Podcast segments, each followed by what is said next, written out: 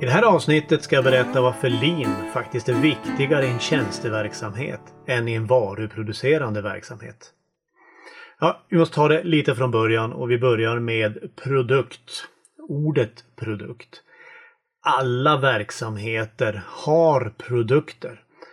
Tyvärr är det på många verksamheter, speciellt då tjänstebaserade verksamheter, som de ser inte att de har produkter. Vilket tyvärr är en brist i att inte se den här delen. Men om man skulle verkligen se de produkter som man har, det vill säga vad är det man skapar i verksamheten? Och hur ser då det ut? Vad är det man kan lova någon när man går ut och gör vad det nu är man gör i sin verksamhet? Det här är grunden i produkten. Så att ha en produktkatalog i alla verksamheter och koppla den mot de olika processerna. Det är någonting som är något som skapar en tydlighet i organisationen. Jag delar in produkter i varor och i tjänster. Och en vara, ja men det är ju en bil, en par skor, en borste eller någonting, oftast det man då kan ta på.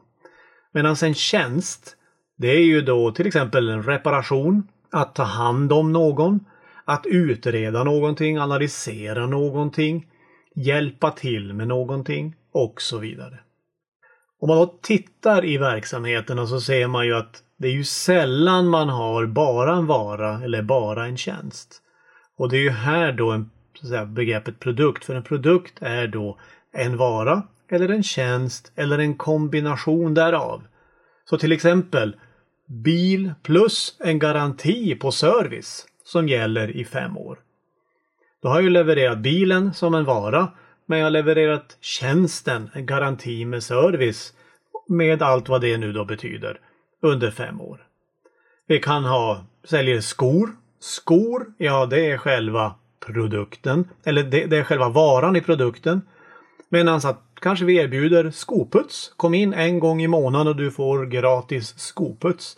Det är en tjänst. Vi kanske erbjuder kunden att få låna hem och prova skorna innan de köper dem.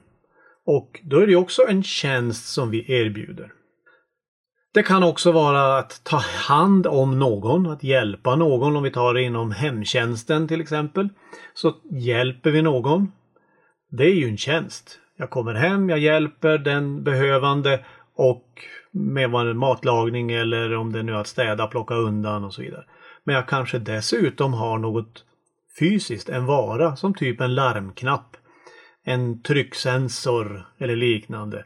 Den varan har jag ju också levererat som ingår i den här produkten som jag levererar. Så som sagt produktkatalog som beskriver då de varor och eller tjänster som man erbjuder, det är en styrka. Då kommer vi vidare till när vi tittar på hur vi skapar det här värdet då. Och då skiljer jag på att producera och konsumera, vilket är ganska uppenbart egentligen skillnaden mellan. Att producera någonting, det är ju den, i processen så använder vi oss av någonting för att skapa det här värdet som någon vill ha konsumerar, ja det gör ju då kunden när kunden använder våran del.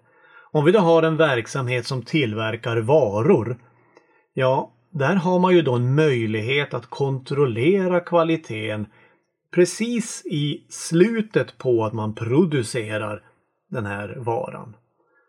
Det vill säga vi plockar ihop någonting som en bil till exempel. Jag kan sätta mig i bilen och jag kan köra bilen runt på en testbana. Och det gör jag med alla tusentals bilar som vi producerar.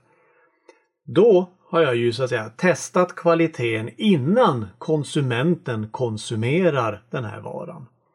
Och det kan jag då göra med att jag vad det nu är vi gör, men jag kan smaka på någonting, jag kan känna, jag kan mäta, jag kan väga, jag kan prova. Det finns en massa olika saker som jag kan göra med en vara innan konsumenten får den. Normalt sett så vill vi ju inte testa i slutet utan vi vill bygga in kvalitet i varje steg och det pratar ju Lean om. Att vi har byggt in kvaliteten istället för att som man hade för många, många år sedan. Då var det väldigt vanligt att man hade en testverksamhet. En kvalitetssäkring i slutet på flödet. Vilket egentligen visade sig vara till skada för hela flödet. För att folk i de olika stegen insåg ju att nej, men det fångas ju upp i slutet för det finns ett skyddsnät där. Men när man tog bort det skyddsnätet och byggde in kvaliteten direkt in i produktionen, alltså alla steg i att producera den här varan, då ökade kvaliteten för alla tog ett större ansvar. Så en vara kan alltså smakas, testas, kännas, provas innan konsumenten får den. Men en tjänst en tjänst produceras och konsumeras i samma ögonblick. När jag skapar tjänsten, när jag hjälper den gamle hemma, när jag servar bilen eller liknande, då konsumerar också kunden det hela samtidigt. Om jag hjälper en människa hemma, en, en behövande, då är det ju där och då som den behövande känner av att den kvalitet som vi har på den tjänst som vi gör. Här är det alltså då viktigt, eller än viktigare, att vi har kontroll på våra värdeskapande flöden, det vill säga våra processer. För om vi har kvalitativt bra processer så säkerställer det att vi har också, när vi väl kör dem, så får vi då en hög kvalitet på den tjänsteproduktion som vi gör. Medans igen kontra varuproduktionen. För i varuproduktionen så kunde vi, det är inte optimalt, men vi kan testa i slutet och säkerställa att det är bra kvalitet. Men i tjänsteproduktionen så kan vi inte det utan vi upptäcker de brister som kan eventuellt finnas i tjänsten, i produceringen av tjänsten i samma ögonblick som vi konsumerar den och den då alltså produceras. Det här betyder ju då att det är än viktigare att vi har kontroll på våra värdeskapande flöden och att vi vet exakt vad vi ska göra och att vi har rätt förutsättningar för den, de, de processer där vi skapar då våra tjänster. Och Lean har ju då 14 ledningsprinciper som jag har berättat om tidigare. Jag har inte gått in på dem, men jag har sagt att det är 14 ledningsprinciper. Och de, jag ska gå igenom var och en av dem lite senare i den här serien. De här 14 ledningsprinciperna stödjer ju då hur vi då producerar både våra varor och våra tjänster. Traditionellt sett så har ju lean varit för varuproduktion. Men senare år så har det blivit än viktigare för att folk inser det här och man har börjat titta på hur man gör inom varuproduktionen och hur kan vi använda detta inom tjänsteproduktionen. Och att man började med varuproduktionen ska jag nog påstå är för att det är lättare. Det är fysiska prylar man tittar på och man kan jobba med dem rent, ja igen fysiskt, man kan se dem, de är, man kan ta på dem, se på dem.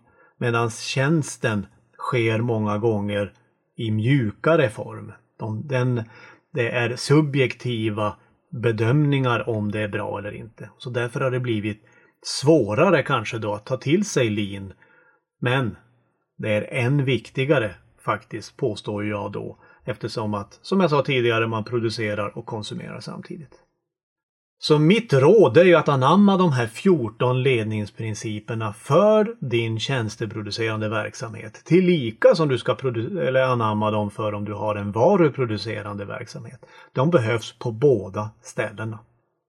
Så, det var min beskrivning och mitt råd till varför det är än viktigare att jag arbetar med lean i tjänsteverksamhet än i producerande verksamhet.